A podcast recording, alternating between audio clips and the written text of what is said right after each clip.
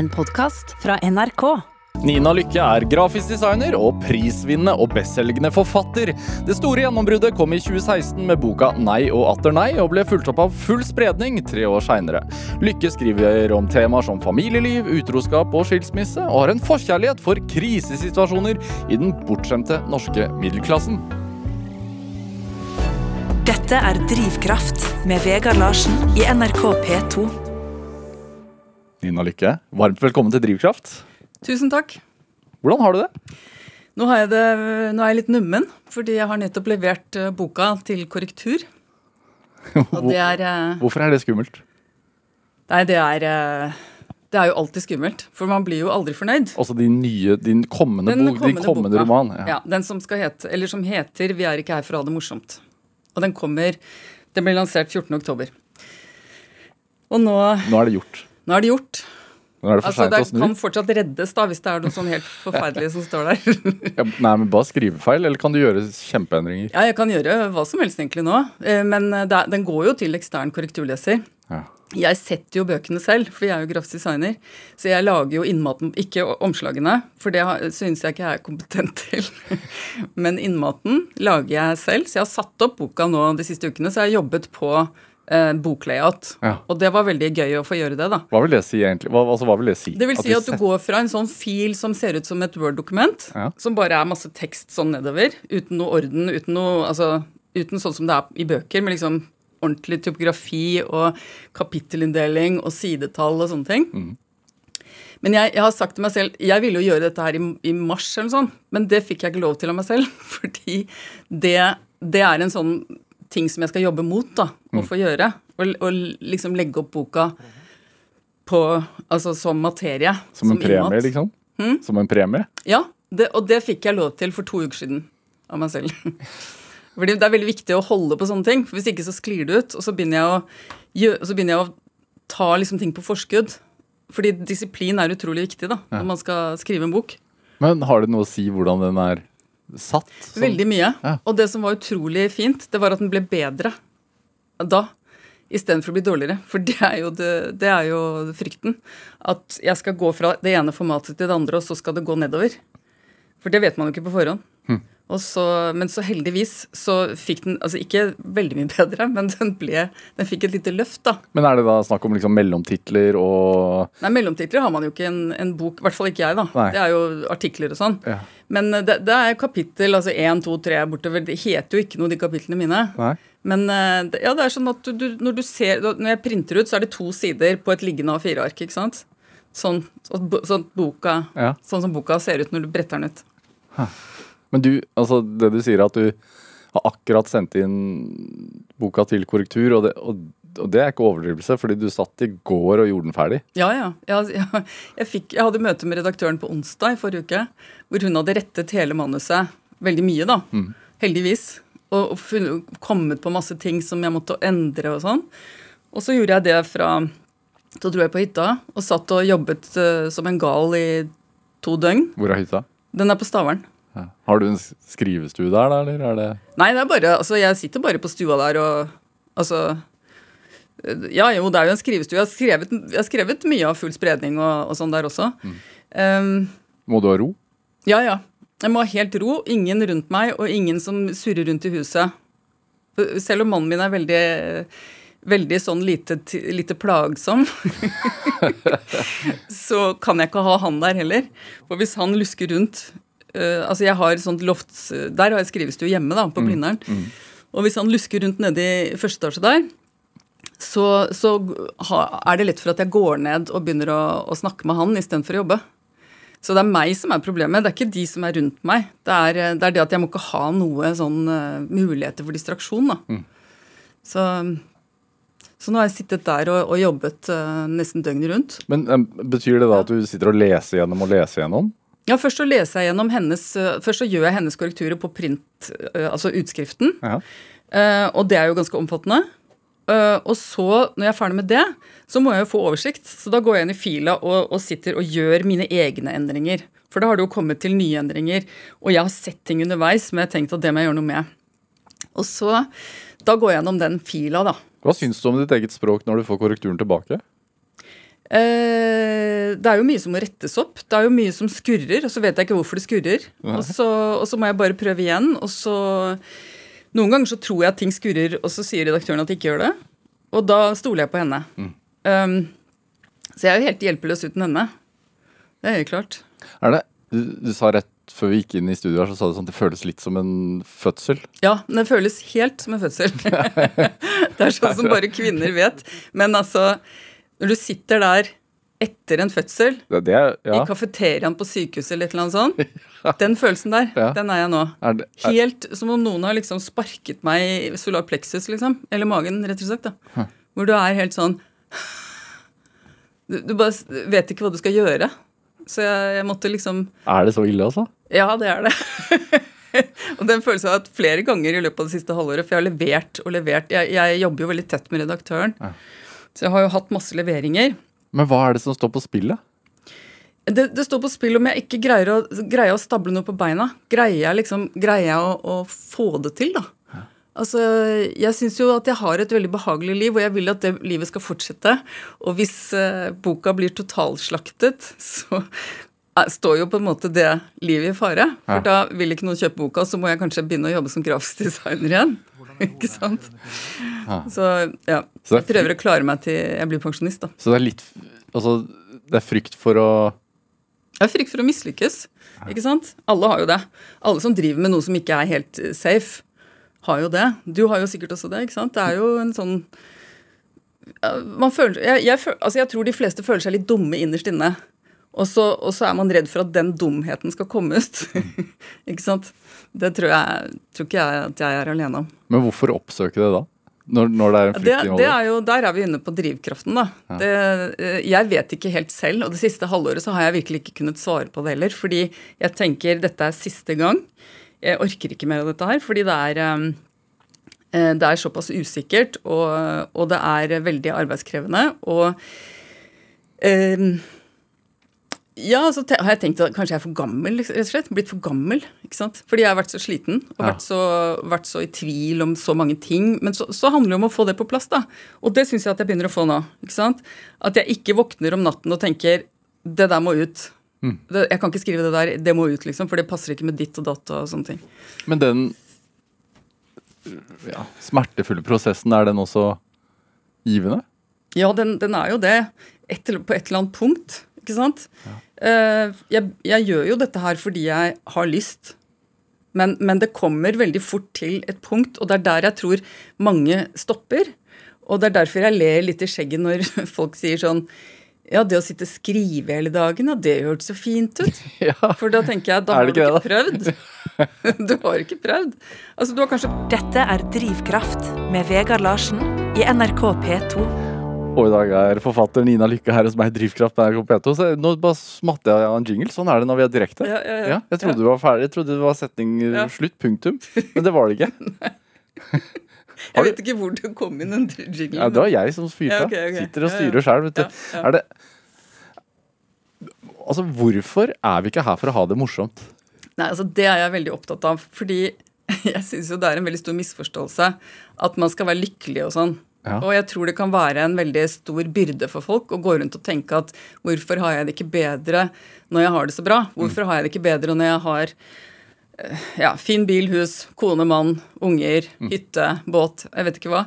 Altså sånne når, vi, når vi, vi får hele tiden høre at vi bor i verdens lykkeligste land. ikke sant? Og vi bor i Vesten, vi bor nord, nordvest. Vi bor liksom der hvor alle vil komme til, da. Eller i hvert fall veldig mange, tyder det på. Og da, eh, og da tenker jeg at det er en veldig stor misforståelse i, i bånn der. For det er klart at vi har det bra sånn sett, men vi er, vi er virkelig ikke her for å ha det morsomt. Vi er jo her for å formere oss. Ikke sant? Og, og vi er vi, vi, Det er ikke meningen at vi skal ha det bra. Er det svaret, tenker du? At, at, altså det enkle svaret? Vi er her for å formere oss, det er det? Ja, selvfølgelig, ja, altså Fra naturens side så er vi jo det. Det er jo helt klart. Altså Det er jo bakterier også, omtrent. Eller jeg vet ikke om de formerer seg, men jo selvfølgelig gjør de det. Eh, Vi er jo ikke bakterier, selvfølgelig, men vi er jo i en viss forstand det allikevel. fordi vi vet jo ikke hvorfor vi er her, og hvor, hvor, hvorfor eh, Hvorfor får folk barn når det er så slitsomt? ikke sant? Eh, Det er jo også veldig sånn gåtefullt. da. De kan jo bare eh, bli narkomane og takke for seg. Ja, barna, Ikke ja. sant? Nei, altså du, du, du selv. Ja, du selv Altså, det, er, det er jo Vi skal dø. Hvorfor dør vi ikke med en gang? Ja. Ikke sant? Hvorfor tar vi ikke en overdose av et eller annet og seiler inn? Altså det, det er jo på en måte det logiske. Hvis du tenker, altså Nå mener jeg ikke å være sånn veldig svartsynt. Det er ikke det som er meningen. For jeg blir veldig oppmuntret til dette her. Tragedien med livet, at vi går mot døden hver dag, er det det? Ja, det, det er jo en tragedie på en måte, men samtidig så kan det jo være en uh, inspirasjon òg, da. altså, jeg, jeg, Det jeg mener er at uh, Det jeg mener er at hvis vi har det bra, så er det bonus. Fordi at vi er ment å slite og streve, da. Og grunnen til at vi er her, er jo fordi forfedrene våre gjorde det. Og de eh, greide å passe på avkommet lenge nok til at de eh, levde opp. ikke sant? Og det krever jo en viss nevrotisisme å gjøre det. Og det krever at du tenker framover og forestiller deg farer. Og det vil si at du er kanskje fokusert på det negative. Ikke sant? Og det er vi jo. Altså Når jeg leser anmeldelser, så er det jo de negative som fester seg i hjernen. ikke sant? Sånn er det jo. Og, og sånn er det veldig mange som har det. Det er det negative folk klikker på på dagbladet.no og sånn. Det er jo derfor de, de, de der sidene til Dagbladet ser så absurde ut nå, med sånn sjokk og skandale i ett eneste kjør. Det er fordi at det funker. Er du sånn selv? Jeg holder meg unna Jeg prøver å holde meg unna det. Men jeg, jeg kjenner jo den dragningen mot det negative. Jeg kjenner, altså, Hvis man sier noe stygt om noen, hvor mye oppmerksomhet får ikke det? Det er jo helt utrolig. Alle er jo helt eh, gale etter det. Og da tenker jeg det er jo tegn på den der Dette fokuset på det negative, da. Men vi koser oss jo med å klage. Ja, det, er- det gjør vi også. Og, og hvorfor ser man på sånn uh, trafikkulykke-TV, som jeg kaller det, med sånne Housewives of Beverly Hills og alt dette her, Som bare er krangling. som bare er krangling, og hvor de prøver å få i gang krangler hvis det ikke er noen der fra før av, ikke sant? Ja, ser du på det? Nei, jeg ser ikke på det. Jeg har prøvd å bli avhengig av det, men jeg har ikke greid det, fordi jeg syns det er så grusomt. Og det er jeg veldig glad for. Hva, hva, men utdyp, du har prøvd å bli avhengig. Ja, for jeg tenker det er godt å være avhengig av noe som ikke egentlig er skadelig. da. Ja. Sånn, altså er, fordi da kan du glede deg til det Uh, når du er ferdig med dagens økt. Så kan du tenke å, nå skal jeg se på Beverly, det der grusomme greiene med, hvor de er plastikkopererte og driver og drar til hverandre. Eller hva det er de gjør. altså, jeg har faktisk prøvd å se på det. Ja. Og jeg har prøvd å se på Paradise øh, Beach, eller hva det heter for noe. Eller hotell, eller Paradise Hotel. Ja. Eh, Ex on the Beach. Men det er så jævlig. Det er jo det. Det er jo sånn skikkelig sånn undergangs... Og så er det jo regissert på den måten også. Eller produsert, ikke sant. Jeg kjenner jo en som har vært med på sånne ting, og de produserer jo disse folka til monstre, ikke sant. Det skal underholde. Ja, men det er akkurat det. Og hvorfor underholder det? Det underholder jo ikke for at disse menneskene er sånne eiegode mennesker som, som får det til å se hvor flinke jeg er og sånn. Det, det jo Det underholder oss fordi det er så fælt. Vi sitter og ser på det fordi de er så fæle. Ikke sant? Og dette kan trigge en roman. Eh, ja, ja på, en, på mange måter. Men jeg, nå ser jeg jo ikke på de tingene der, da. Det, eh, men jeg ser på mye annet. Hva ser du Um, på? Hva ser, er hva ser ser du på? Akkurat nå så ser jeg faktisk på Breaking Bad igjen, fordi at eh, jeg har funnet ut at man må se minst to ganger på en serie for å få den med seg. Fordi da jeg var eh, liten, så så vi jo på Dynasti og sånn, og da fikk vi bare Og det er jo noe ordentlig møl, ikke sant? Det skjønner vi jo nå. Og det skjønte vi på mange måter på den tiden òg, men vi satt og så på det hver torsdag. Og jeg kan fortsatt huske alle intrigene og eh, intro, altså den der intromelodien og sånn. Alt det der kan jeg huske. Fordi vi så bare én episode hver torsdag, og det var ikke så mye annet. ikke sant? Derfor så satt det liksom rett i hjernen, da. Og hva var det jeg skulle Jo, og, mens nå Nå er det jo noe helt annet. Nå ser vi jo en hel sesong på en kveld, ikke sant? Og, og, og da får du ikke med deg noe, vet du. Men hva lærer du av altså, Når du ser Breaking Bad da på nytt, Ja. Som jo er en hylla serie, er det Mm. Lærer du noe? Eh, ja, jeg lærer veldig mye om dramaturgi, for den er veldig god. Og den er veldig tenkt ut. Og det er ikke noe sånn tull sånn som Lost, eksempel, som jeg sluttet å se på fordi jeg fikk høre at de ikke egentlig visste hvor du skulle hen. De bare satt og fant på ting underveis. Og da gadd jeg ikke å være med, fordi da har de jo ikke gjort noe jobb. Da har de bare skal vi se, hva skal vi gjøre i dag? Og så er det masse logiske brister, ikke sant. Og da blir man litt sur når man ser på. Men Breaking Bad er helt sånn de har ordentlig sånn tak på det, da. Og det, det er veldig fint å se på. Er det i forhold til den Altså at vi ikke er her for å ha det moro, og, og, den eksistensialismen, da. Og, og sånn middelklassens Hva skal man si? eksistensielle krise. Jeg tror jo den krisa fins i flyktningleirer òg, da.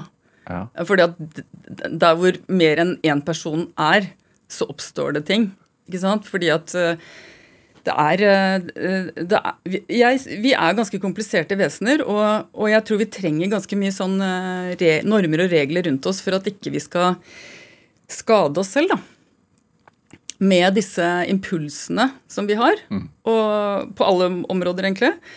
Uh, og derfor så tenker jeg at med det tilbudet som vi har nå, med, på underholdning og uh, pølser på Narvesen til tre kroner og alt det der, så er vi egentlig litt sånn fucka.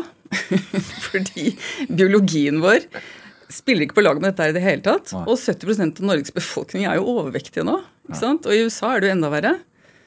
Og det er en fattigdomssykdom nå, ikke sant. Ja. Så det er eh, Men det blir jeg på en måte også litt godt humør av å høre om, da. ja, hvorfor er det gøy? Det er, fordi, det er ikke fordi at det er negativt, det er ikke på den måten, men jeg tenker at vi er ikke skapt for det livet vi lever på mange måter. ikke sant? Og vi er skapt, mener jeg, for å slite og streve, da. Og derfor så er ledegang roten til alt ondt. ikke sant? Og det, alle de der gamle Jo eldre For hver dag så tenker jeg på et nytt ordtak som Å ja, det stemmer. alle de gamle ordtakene, de stemmer jo, ikke sant? Hvordan har du lært det? Hva da? At lediggang er roten til alt ondt, at vi er, vi, er skapt for å slite og streve? Jeg altså? har lært det ved, ved, ved meg selv, men også veldig med å se meg rundt. Men, men eh, kanskje først og fremst i meg selv. At dette med å ha noe å henge fingrene i. Sånn i sånne hytte, eh, På sånne hyttesteder hvor det er masse hytter, så kunne du tenke deg at folk på en måte var der for å slappe av. Men der står far i huset og, og skjærer eh, eller hugger ved med en sånn ny maskin som lager et helvetes bråk. ikke sant? Det, det er jo helt absurd. Hvorfor hogger han ikke ved, liksom? Det er én ting. Og hvorfor hogger han ved til neste årtusen? Ikke sant? Ja, hvorfor gjør han det? Det, det er fordi at vi er ikke her for å ha det morsomt. Må du tvinge deg selv til det? Og, og, Tvinge meg selv til hva da? Nei, også at hvis du merker at nå har jeg hatt det for godt for lenge, eller nå Ja, ja, ja, absolutt. Altså, jeg vil jo, jeg vil jo, jeg vil jo kanskje bare sitte og surfe rundt på nettet og drikke kaffe. Det er min favorittaktivitet. Men så merker jeg jo at hvis jeg gjør det Hvis jeg f.eks. Uh, gjør det en morgen istedenfor å stå opp Jeg slår av nettet mellom seks og ni hver dag. hjemme? Hjemme. Ja, ja. Ja. Jeg, slår, altså, jeg slår ikke av hele nettet, men jeg slår av eh, Jeg har en sånn liten Når, app. når våkner du om morgenen? Nei, jeg, jeg, altså Ideelt sett så står jeg opp klokka seks. Fordi mannen min er håndverker, så han står veldig tidlig opp. Ja. Um, men, men det har det sklidd ut i det siste, altså. Men, men det jeg skulle si, var at de gangene hvor jeg tenker nei, nå, nå har jeg sovet så dårlig, nå syns jeg så synd på meg selv, så nå slo jeg på nettet igjen. Det må jeg gjøre før klokka seks, da. Hvis ikke så er løpet kjørt. Ja, det er, å, ja, Det er en sånn fast greie. Ja. og, så, og så blir jeg sittende i senga med den laptopen og kaffen til halv ti. Ja. Og da kjenner jeg meg veldig dårlig etterpå. Ikke sant? Da, da kjenner jeg meg sløv og slapp og uinspirert. Jeg har hatt det veldig fint og kost meg veldig i to eller tre timer. Men eh, det er ikke bra for meg. ikke sant? Jeg kjenner jo det. Så det er, det er den der evige disiplinen. da. Fordi at eh, katter og, og, og mus og sånt, de kan jo bare gjøre det de vil hele tiden, for de er drevet av instinkter. ikke sant? Så, og Noe som jeg leste en gang som jeg synes var veldig inspirerende, det var at når en ape eller et dyr i det hele tatt får tak i alkohol, med sånn elg som hadde spist noen sånn gjæra epler en gang, eller noe sånt, så blir de helt desperate etter mer. Ja. Med en gang. Ikke sant? For de har ikke den der sperren som vi har, da. Og det, det syns jeg også er veldig sånn Ja, sånn er det. Det er ikke så lett. Ikke sant? Men det med å Er det er det kritikk eller satire, eller er det en kritisk satire du skriver? Hva, hvordan vil du definere det?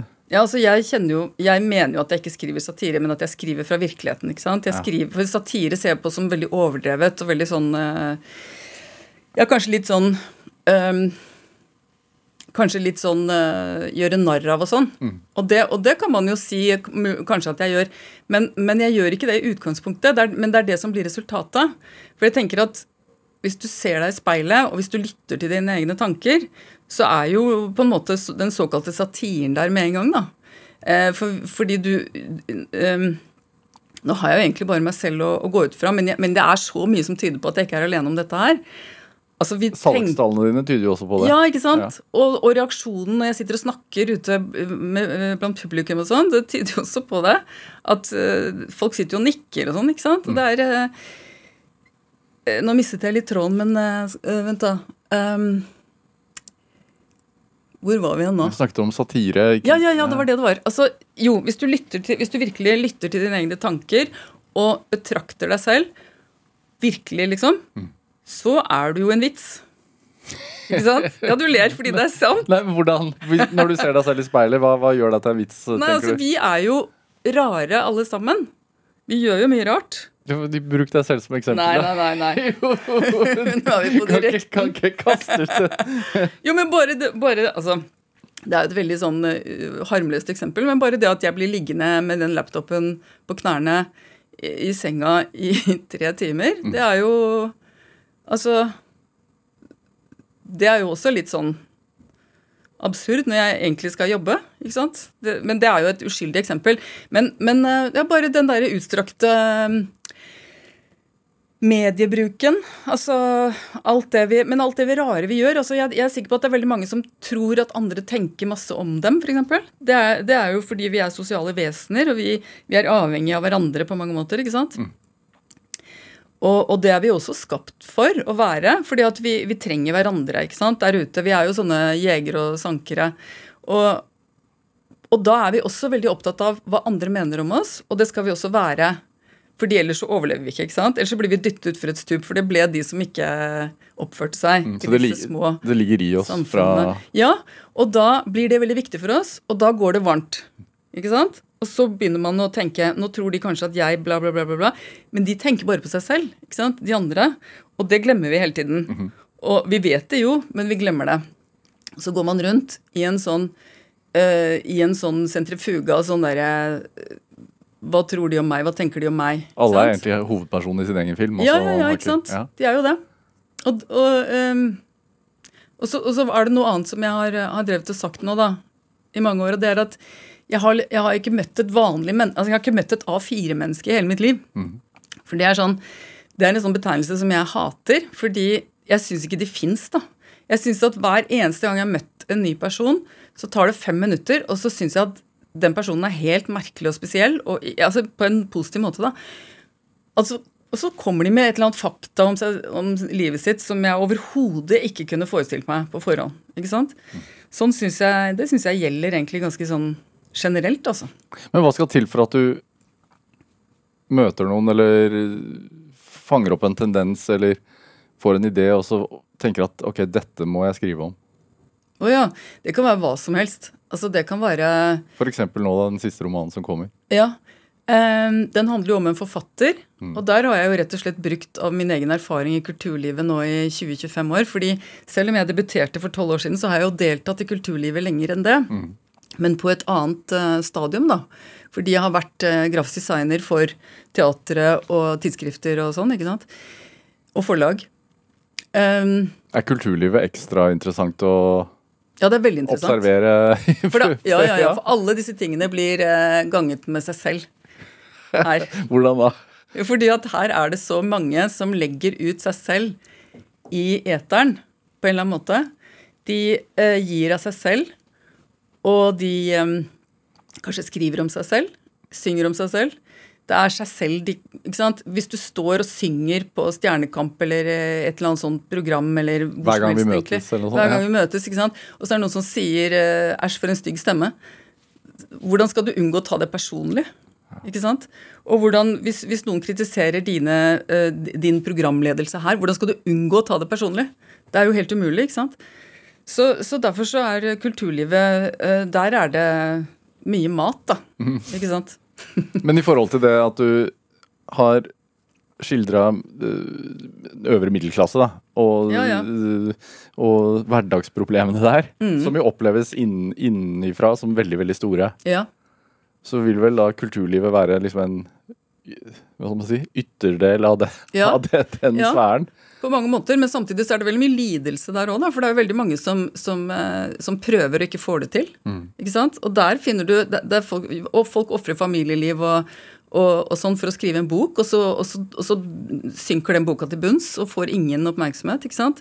Det er jo Da snakker vi om veldig sånn eksistensiell smerte, da. ikke sant? Og det Så det er eh, eh, og, og når det gjelder dette med øvre middelklasse, så tenker jeg at jeg, altså jeg syns det er mer interessant å høre om rikinger som har masse problemer, enn om fattige mennesker, for å si det, sette på spissen. Hvorfor det? Fordi de som er fattige, de kan si 'jeg er fattig, det er derfor jeg har disse problemene'.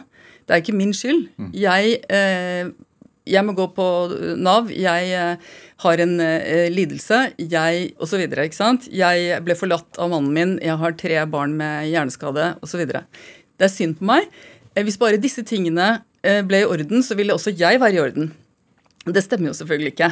Fordi hvis de tingene blir i orden, så er det noe annet det fortsetter og fortsetter og fortsetter. ikke sant? Mm. Du ser uh, veldig rike mennesker kan sitte og være minst like misfornøyde som alle andre, bare på et helt annet plan. Ikke sant? Jeg hadde en sånt bilde av det en gang. Jeg har prøvd å skrive om det, men jeg har ikke greid det. Det kan jeg si, da. Eh, jeg så en sånn fyr stå, en rumener eller noe sånt. Jeg tror ikke han var uh, fra romfolk eller noe sånt, men jeg, han var, drev i hvert fall og lette etter flasker. Veldig sånn skitten, fillete fyr. Sånn helt nederst på stigen, ikke sant. Eh, som ikke er, er, norsk, og som har kommet hit eh, ja, og går rundt her. Og han fant plutselig en hel haug med flasker nedi en søppelkasse. ikke sant? Og da så jeg liksom for meg at hans glede, da, hvis du skulle måle den med sånn EKG eller EG, eller hva det er for noe, med sånne eh, greier på, hjernen, på hodet og sånn, mm. skulle måle den, den gleden, så ville den være mye større enn gleden til en eller annen ja, Nå var det jo veldig sånn grovt i boka, da, men de gleden til en sånn veldig rik fyr som hadde fått med seg tre luksusprostituerte til et luksushotell. Skjønner du? Fordi han er så godt vant, ikke sant? Mens han rumeneren, han finner disse flaskene og ser en formue, mm. ikke sant? Som ville vært liksom skokremen til han rike fyren. Men det er gleden da, som er mye større hos han jeg syns det er veldig fascinerende. Mm. Nå har jeg snakket om det, så nå kan jeg ikke skrive om det, men jeg har prøvd å skrive om det så mange ganger at jeg, ja. hva, hva, med deg selv? Hva, hvis du hadde hatt sånne sonder på hodet, hva ville fått full uttelling på lykke, lykkehormonet til lykke? Oi, vent da. Eh, har levert inn boka. det er Jeg har ikke skjønt det ennå engang, fordi jeg er ennå litt sånn uh, svimmel. Men, uh, men, det å ha liksom gjort det, ja. og at den ligger der så du sitter her i dag og er egentlig ganske lykkelig? Ja, egentlig. Ja. Egentlig. Jeg har bare ikke fått helt tak i det ennå. Og så liker jeg å sykle, da, på elsykkelen min. Det, det liker jeg også veldig godt. Der, der får den også veldig stor uttelling på de Ja, for da er du der og da? Ja, og så har jeg sånn kart på mobilen. Og det er også veldig glad i å ha kart. Ja. Google Maps. Ja, Så du kan si etterpå at så langt har jeg syklet? Ja. ja. og så sjekke liksom hvor batteri og sånne ting. Jeg blir veldig glad av det. Nina Lykke, vi skal spille litt musikk. Ja. Er det en glad låt vi skal høre? Ja, det er det. Ja. Og den, den, er veldig den, den, blir jeg veldig godt humør av. Ja, hvorfor det? Altså, det er noe med de der Bordello med 'Start Wearing Purple'. Hva, ja. ja, det er noe med de der, den energien til de gutta der, da. Og eh, aksenten Altså, de er jo fra Ukraina, de der eh, folka der. Og de er eh, Altså, de har den derre Øst-Europa-energien som eh, jeg ofte kan savne her, da. Den der galskapen. Jeg har vært litt og reist der ute og borte, og der eh, Jeg kjenner igjen den derre eh, Ja, du kan jo høre nå. Når hører du på dette her, da? Jeg hører på det når jeg skal lage mat på kjøkkenet. Og så, ja, så står jeg og synger og skråler. Hva lager du da? Jeg lager alt mulig. Sånn som skal gjære. Sånn der kimchi og surdeig og sånn.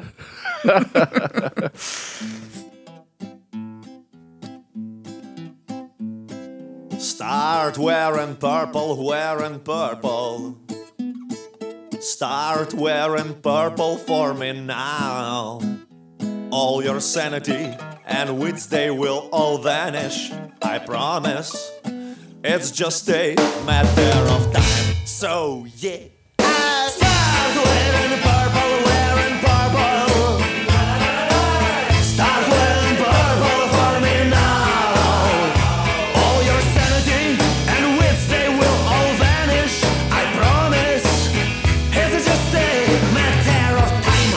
know you since you were a 20. I was 20 and thought that some years from now.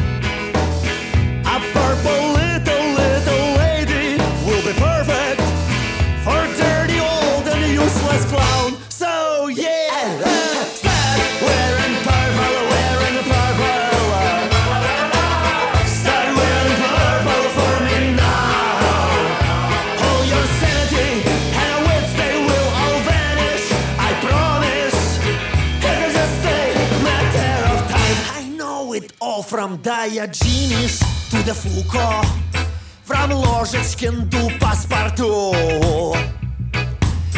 И я клянусь, обоссав два пальца Что ты, а? Что музыка пошла от звука в му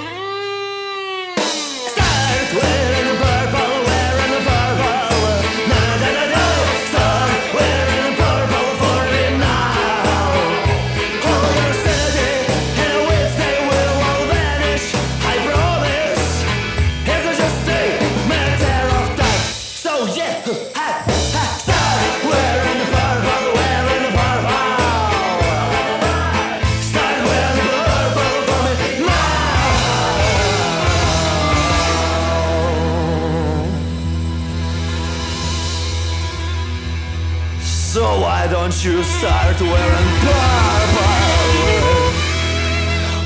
Why don't you start wearing purple?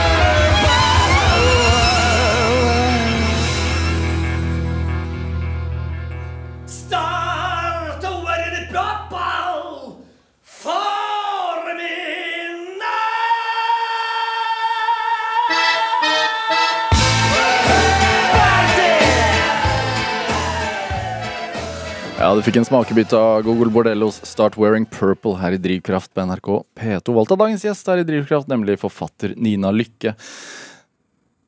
Du eh, har vokst opp på Frogner i Oslo, Ja, ja, Frogner og Røa. men du er fra Trondheim, egentlig? Ja, jeg er etnisk trønder. Begge foreldrene mine er fra Trondheim, og deres foreldre, og jeg tror deres foreldre igjen. Ja. Så det er sånn trønderblod. Men ble du født i Trondheim og bodde Jeg der først? Jeg ble født i Trondheim Trondheim, bodde der bare seks måneder, men jeg har jo vært der i i mange, mange ganger. Altså, jeg har jo vært der flere ganger med året, helt siden da. De, altså, identifiserer du deg da med din etnisitet? Nei, jeg har vokst opp i Oslo. så jeg er sånn tokulturell, da. Ja. Men jeg identifiserer meg veldig med den trønderske væremåten. Hva vil det si? Det vil si eh, Det er en sånn eh, litt sånn humor som er eh, litt i slekt med den der nordnorske. Eh, og ganske annerledes enn her, på mange måter. Det er sånn eh, Altså Ja, litt sånn innfugl, da. For å Hva er det for noe? trøndersk uttrykk. Hva er det? Det er litt sånn slem. Altså sånn eh, du, du ler hvis noen faller og slår seg og sånn, for å si det veldig enkelt. Altså Det er jo selvfølgelig mer avansert enn det. Men den humoren har jeg på en måte vokst opp med, da. Ja. Um, Så du koser deg med en skarp kommentar? ja, jeg gjør det. Men det er det jo mange som gjør her, her nede òg, da. Her i Syden. Eh, hvordan var Altså, hvordan er det å vokse opp på Frogner, egentlig? Det var veldig fint da jeg vokste opp der. Det var fra 60 Ja. Eh, 67? 8? For jeg bodde jo jeg, snakket faktisk svensk først, fordi at vi bodde i Stockholm de første to-tre årene av mitt liv. Og så kom vi til eh, Oslo, og da bodde vi først på Sankthanshaugen, og så på Frogner. Ja. Først i Bygdøy allé, og så i Skåveien. Um, og, og der bodde vi til jeg var 11, og så flytta vi til Røa, og der bodde jeg til jeg flytta ut. På Frogner var, så det er Frogner som er barndomsstedet, for jeg var 11 da vi flytta derfra. ikke sant? Eh, jeg husker det som veldig fin oppvekst. Jeg, jeg er veldig sånn uh, trikkelinjene der og, og ikke sant, uh, Hele det der med å løpe rundt i gaten og sånn. fordi på 70-tallet var det jo en helt annen barneoppdragelse som gjaldt enn nå. da. Hvordan var den ut? Den var friere, Ja. på godt og vondt. Først og fremst på godt, hvor man fikk veldig mye frihet veldig tidlig. Um, vi løp liksom rundt i bakgården og jeg- husker bare det som, og, og lette etter godteri. Det var det som var greia da. Så vi lett, Da lette vi etter flasker. så jeg får så, kan jeg på en måte, ja. Hvorfor var det så mye flytting? Eh, det vet jeg ikke helt. Det må du spørre foreldrene mine om. Men det var eh, på den tiden tror jeg kanskje det var vanligere. Eh, vi eide ikke noe før vi flytta på Røa.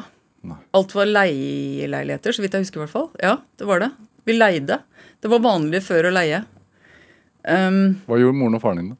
Moren min var sykepleier, faren min arkitekt. Han er, øh, han er pensjonert nå. Mm. Um, ja, nei, jeg har, har et veldig Jeg gikk på Uranienborg, så vi var, liksom, vi var veldig mye i Frognerparken. Jeg gikk i barnehage i Frognerparken. Så alt dette her er sånn barndomslandskap. Hvor mange, er det du og en bror? ja, Ja. En lillebror. Som ikke er så liten lenger. ikke så ung heller. Hvordan var en eh, helt vanlig søndag hjemme hos Lykke, da? Oi. Det, jo, vi gikk i tur i skogen. Vi, enten, eh, altså vi gikk og plukket blåbær, tror jeg. Eh, ja. Og på ski. Eh, Sognsvann til Ullevålseter. Eh, senere så var det Sognsvann til Kikkut. Avansert. Da ble vi liksom større og kunne gå lenger og sånn. Ja. Eh, det var veldig mye Nordmarka. Um, og jeg uh, syns jo Jeg likte jo ikke å gå på ski, men jeg så på det som en plikt. da, Ja. Som noe man måtte gjøre hvis man skulle være et menneske. Uh, og da jeg hørte altså Det var jo snakk om de sultne barna i Afrika, men da det gikk opp for meg at de sultne barna i Afrika slapp å gå på ski, så syns jeg ikke så synd på dem likevel. Er det, men det var plikt? Var det, noe, altså, var, var det et hjem fylt med plikt? Eller? Nei da, det var, ja, altså, det var, altså, det var sånn eh, godteri på lørdager. Ikke ellers. Og også ellers så hadde jeg veldig unge foreldre, så vi hadde veldig sånn morsomt. Altså, var, jeg husker det som veldig mye humor, da. Og broren min er veldig morsom. Og det var mye sånn spøk, og det var mye sånn derre eh, At vi lo av ting, husker jeg. Og mye sånn turer og, og hytteturer og fjellturer og det, men dette vil, Jeg må nesten gå tilbake og tenke meg litt om, kom, også, for jeg husker jo egentlig veldig mye. Men når du spør meg nå, så blir det veldig sånn vanskelig å Ja.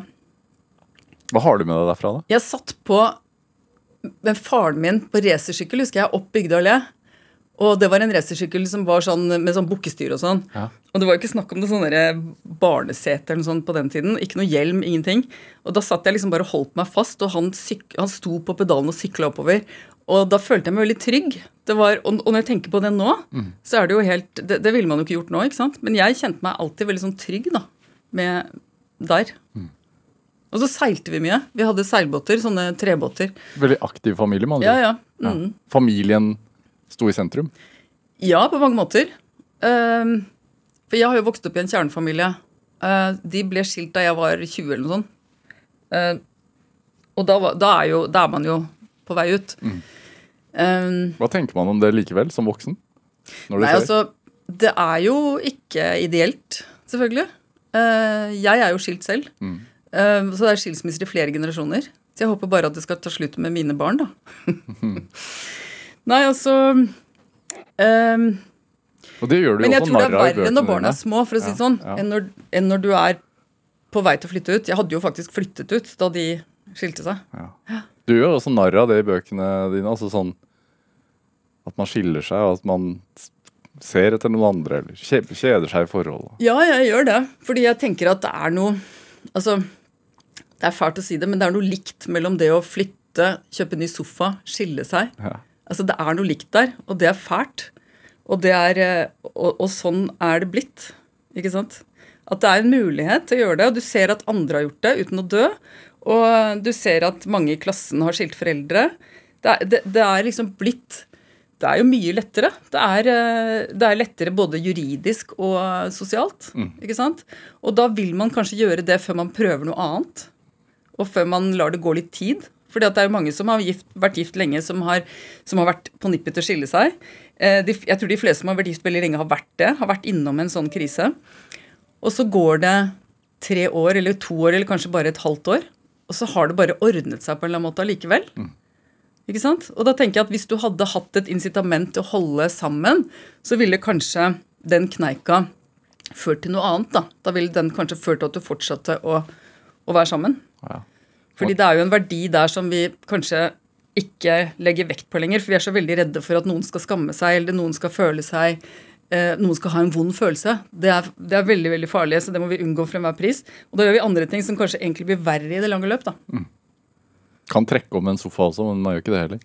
Det kan man gjøre, og det er kanskje litt mindre Ja. Nei, ja, nå skjønner jeg hva du mener. Nå skjønte jeg hva du mener. Ja, selvfølgelig. Det kan man. Og man kan finne en gratis sofa på Finn. Men det, altså, tilbake til familien din. Altså, det, du, er jo fra en øvre middelklasseslekt. Ja, det er jeg. Oldefar var så vidt litt statsminister. Ja, oldefar var statsminister. Eh, han har jeg aldri møtt, da, for han døde jo ganske ung. Og eh, han var statsminister for Høyre i 27 til 29. Han het Ivar Lykke, og det heter faren min også. Og, men så vidt jeg forstår det, så uh, var moren og faren din på venstresiden. Ja. Ja. Eh, Så han, oldefar var høyremann. ja, du- ja, begge, begge mine foreldre kommer fra borgerskapet med, med store hus og hushjel- hushjelper og sånn. Eh, og hjemmeværende mødre. Eh, og så kommer de til Oslo, og så blir de raddiser. Og, og den typen er det mange av. Så de var ikke alene om å ha den demografien, da. Eller være, være Og det er jo Det var jo 70-tallet, da, med AKP og Kvinnefronten og sånn. Syns du det er litt morsomt, altså? Ja, jeg syns jo det, men eh, jeg synes jo det er morsomt. Men man må jo ikke Man må jo liksom ikke glemme at det var en totalitær bevegelse. Ikke sant? Når man, jeg var jo på sommerleir og hadde dekknavn. Het Sigrun i en uke. Hvor var dette? Det var på Tromøya da jeg var 11 i 1976. Som var sånn rød pioner, var det det du var da? Ja, det var jeg også på, men det, dette var den hovedleiren for de voksne, og da var jeg barn der. Men senere, da jeg ble 13 eller sånn, så var jeg på Røde pionerleir. Og da var jeg også med i Røde pionerer, og så hadde vi sånne røde skjerf. Hva var dette her for noe?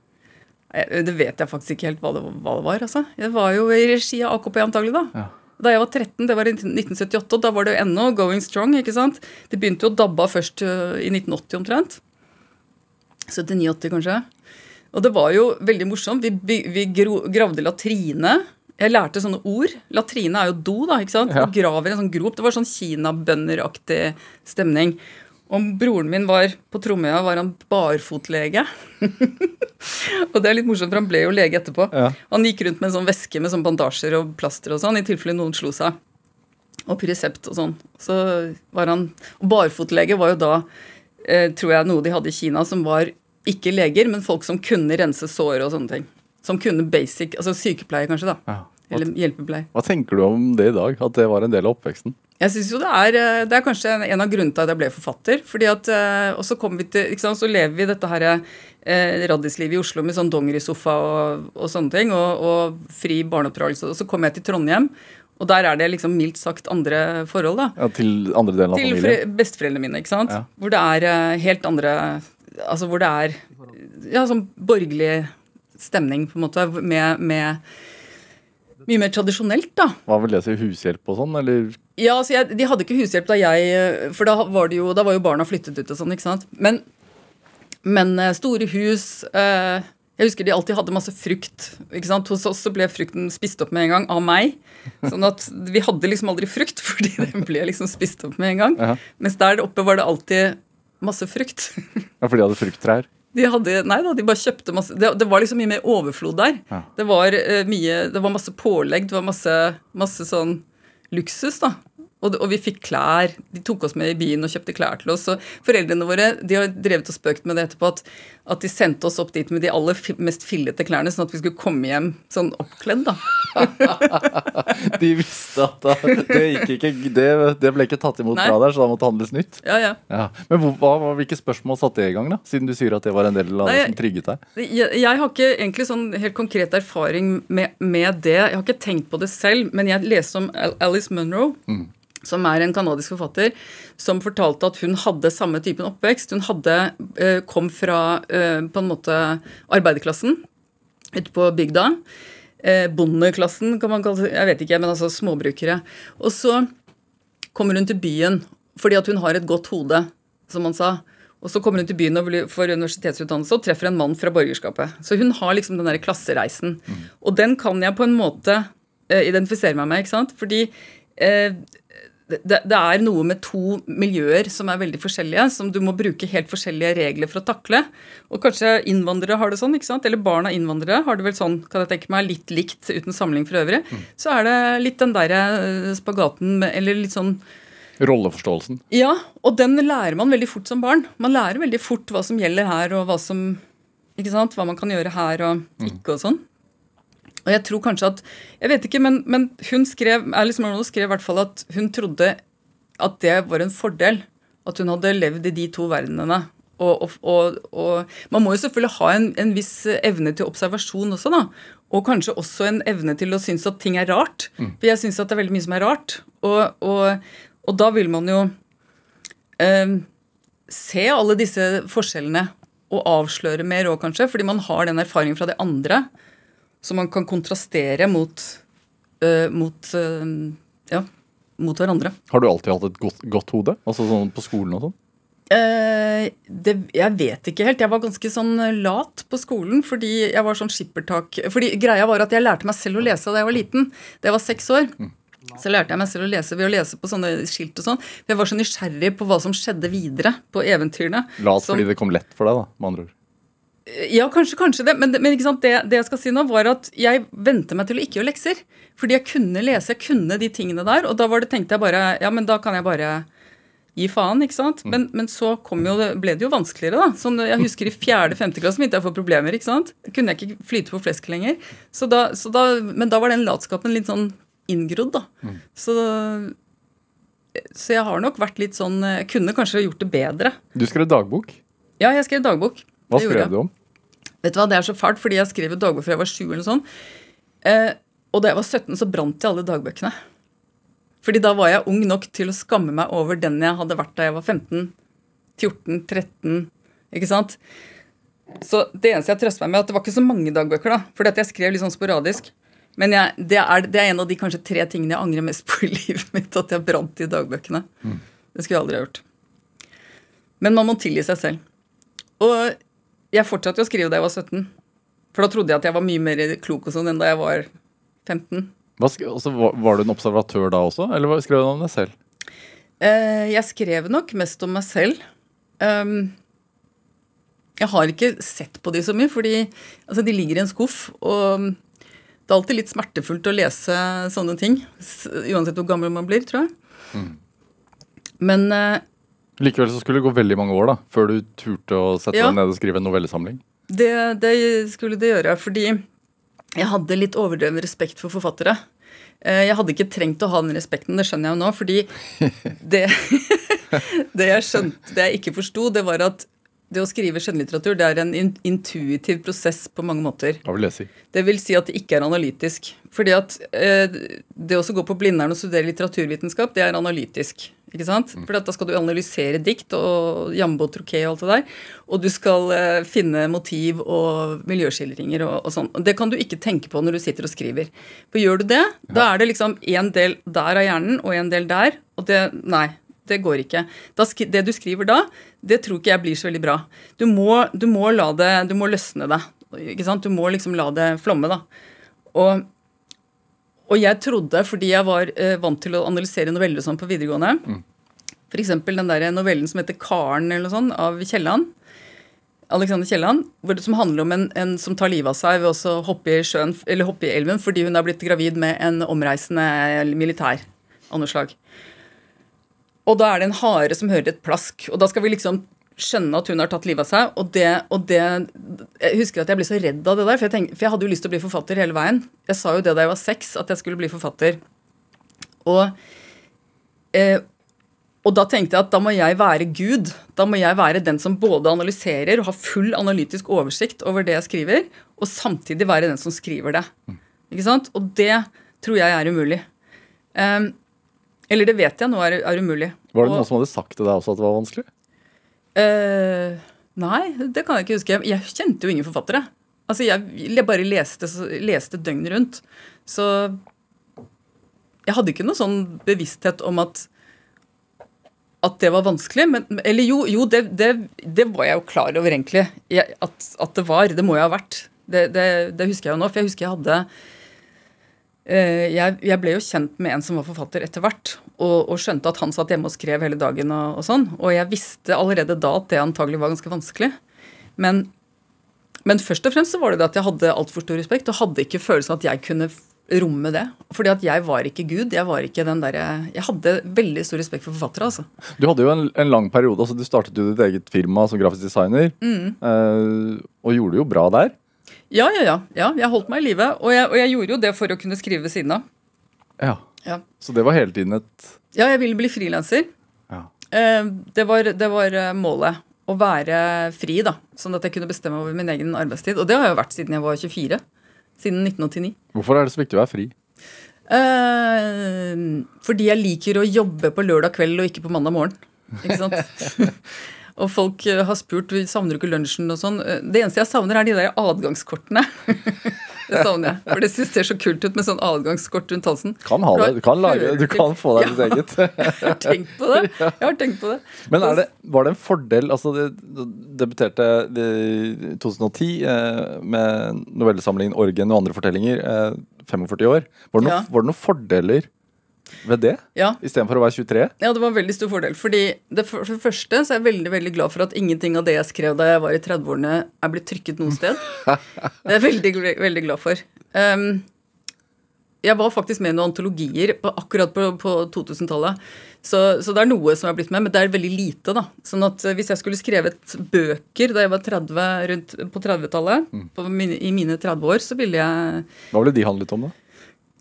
Ah, det tør jeg ikke å tenke på engang. Altså, det, det, det er det, jeg, jeg er ganske sikker på at det ikke ville blitt, blitt bra. Eh, jeg, jeg er veldig glad for at jeg debuterte da jeg debuterte. En annen ting er at jeg er veldig glad for at jeg eh, ikke fikk suksess før jeg var over 50. Fordi da har på en måte personligheten og hverdagen og sånn satt seg så til de grader at alt blir på en måte en bonus, da. Altså det, jeg, jeg har ikke ennå helt eh, oversikten over hvorfor jeg sitter her og snakker med deg. Ikke sant? Fordi for meg er det noe u, u, Altså uvant, da. Det er noe som jeg ikke har fått inn i hverdagen min ennå. Eh, og det kommer jeg antagelig aldri til å gjøre heller. Altså, jeg tror det er mye vanskeligere å bli blasert hvis man får suksess etter fylte 50. Ja. Og hvilke gå gjennom en slags ny sånn personlighetskrise kanskje heller? Altså sånn, Man trenger jo ikke å Ja, nei, altså da, da er det, det er ikke små barn, det er ikke noen ekteskapskriser. Det er altså Jo, noen har jo selvfølgelig det i 50-åra, det er ikke det jeg mener, men for meg så har det alt det der blitt unnagjort. Og um, Ja, jeg, jeg er mye mer på plass da enn jeg var på, da jeg var 30-åra. Og jeg ser jo også det at det er eh, det er mye vanskeligere å debutere når du er ung, fordi at da du får plutselig masse oppmerksomhet. Se på barnestjerner, da. Det er jo et ekstremt eksempel som er eh, veldig sånn satt på spissen. De får jo Det er unntakene som klarer seg psykisk gjennom å bli voksne etter å ha vært barnestjerner. Det er jo da det, det, det samme mekanismen, på en måte. ikke sant? Ja. At du um, Men du sa nylig, eller du sa i tidligere i samtalen vår at kanskje jeg er blitt for gammel til å skrive?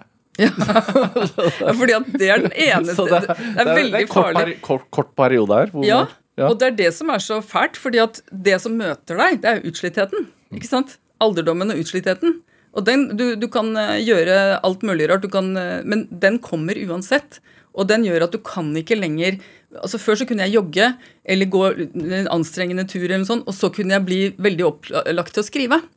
For det var, to, det var to forskjellige ting i hjernen eller kroppen med tette skott mellom. Mens nå er alt i ett basseng. Nå er det sånn at Hvis jeg jogger eller løper eller, eller går turer eller sånn, eller sykler, så kan ikke jeg skrive etterpå, for det er helt kake. Ikke sant? Men blir evnen til å observere bedre med årene? Ja, det tror jeg, fordi du får, man får mer livserfaring. Man har eh, Ja, ja, absolutt. Jeg tror den blir bedre for hver dag.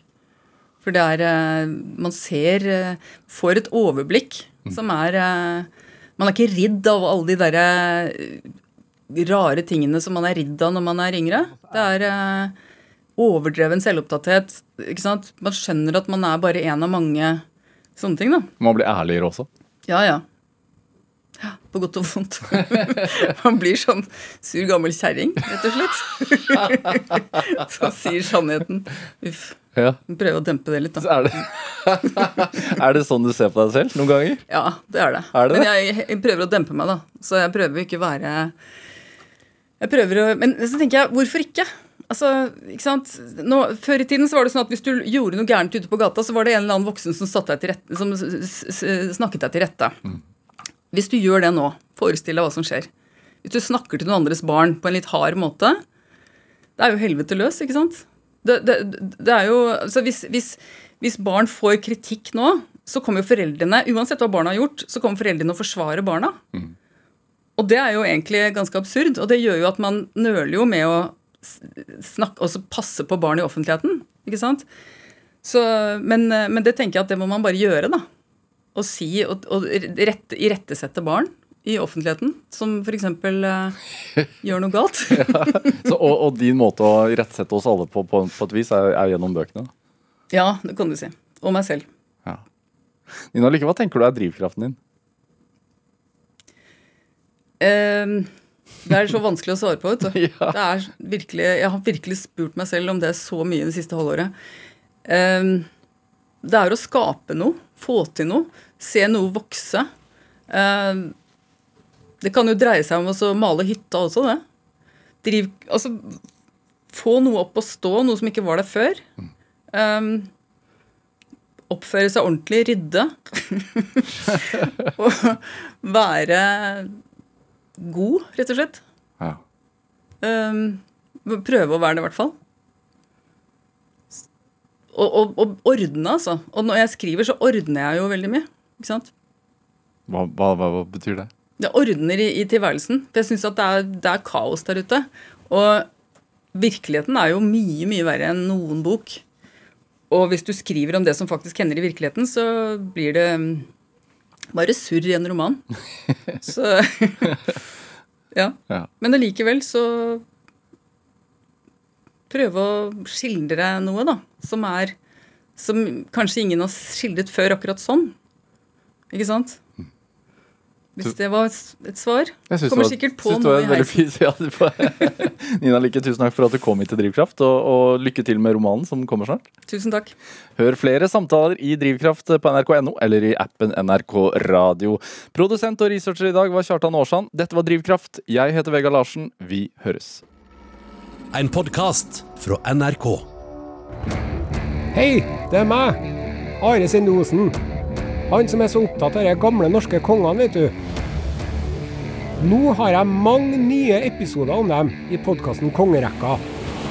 Det er blitt middelalder, men fortsatt er det flust av intriger, sex, brodermord, slag og riddere. Det er jo vår Game of Thrones, det her. Fra virkeligheten. Bare at det ikke er fullt så mange drager. Hør podkasten Kongerekka i appen NRK Radio.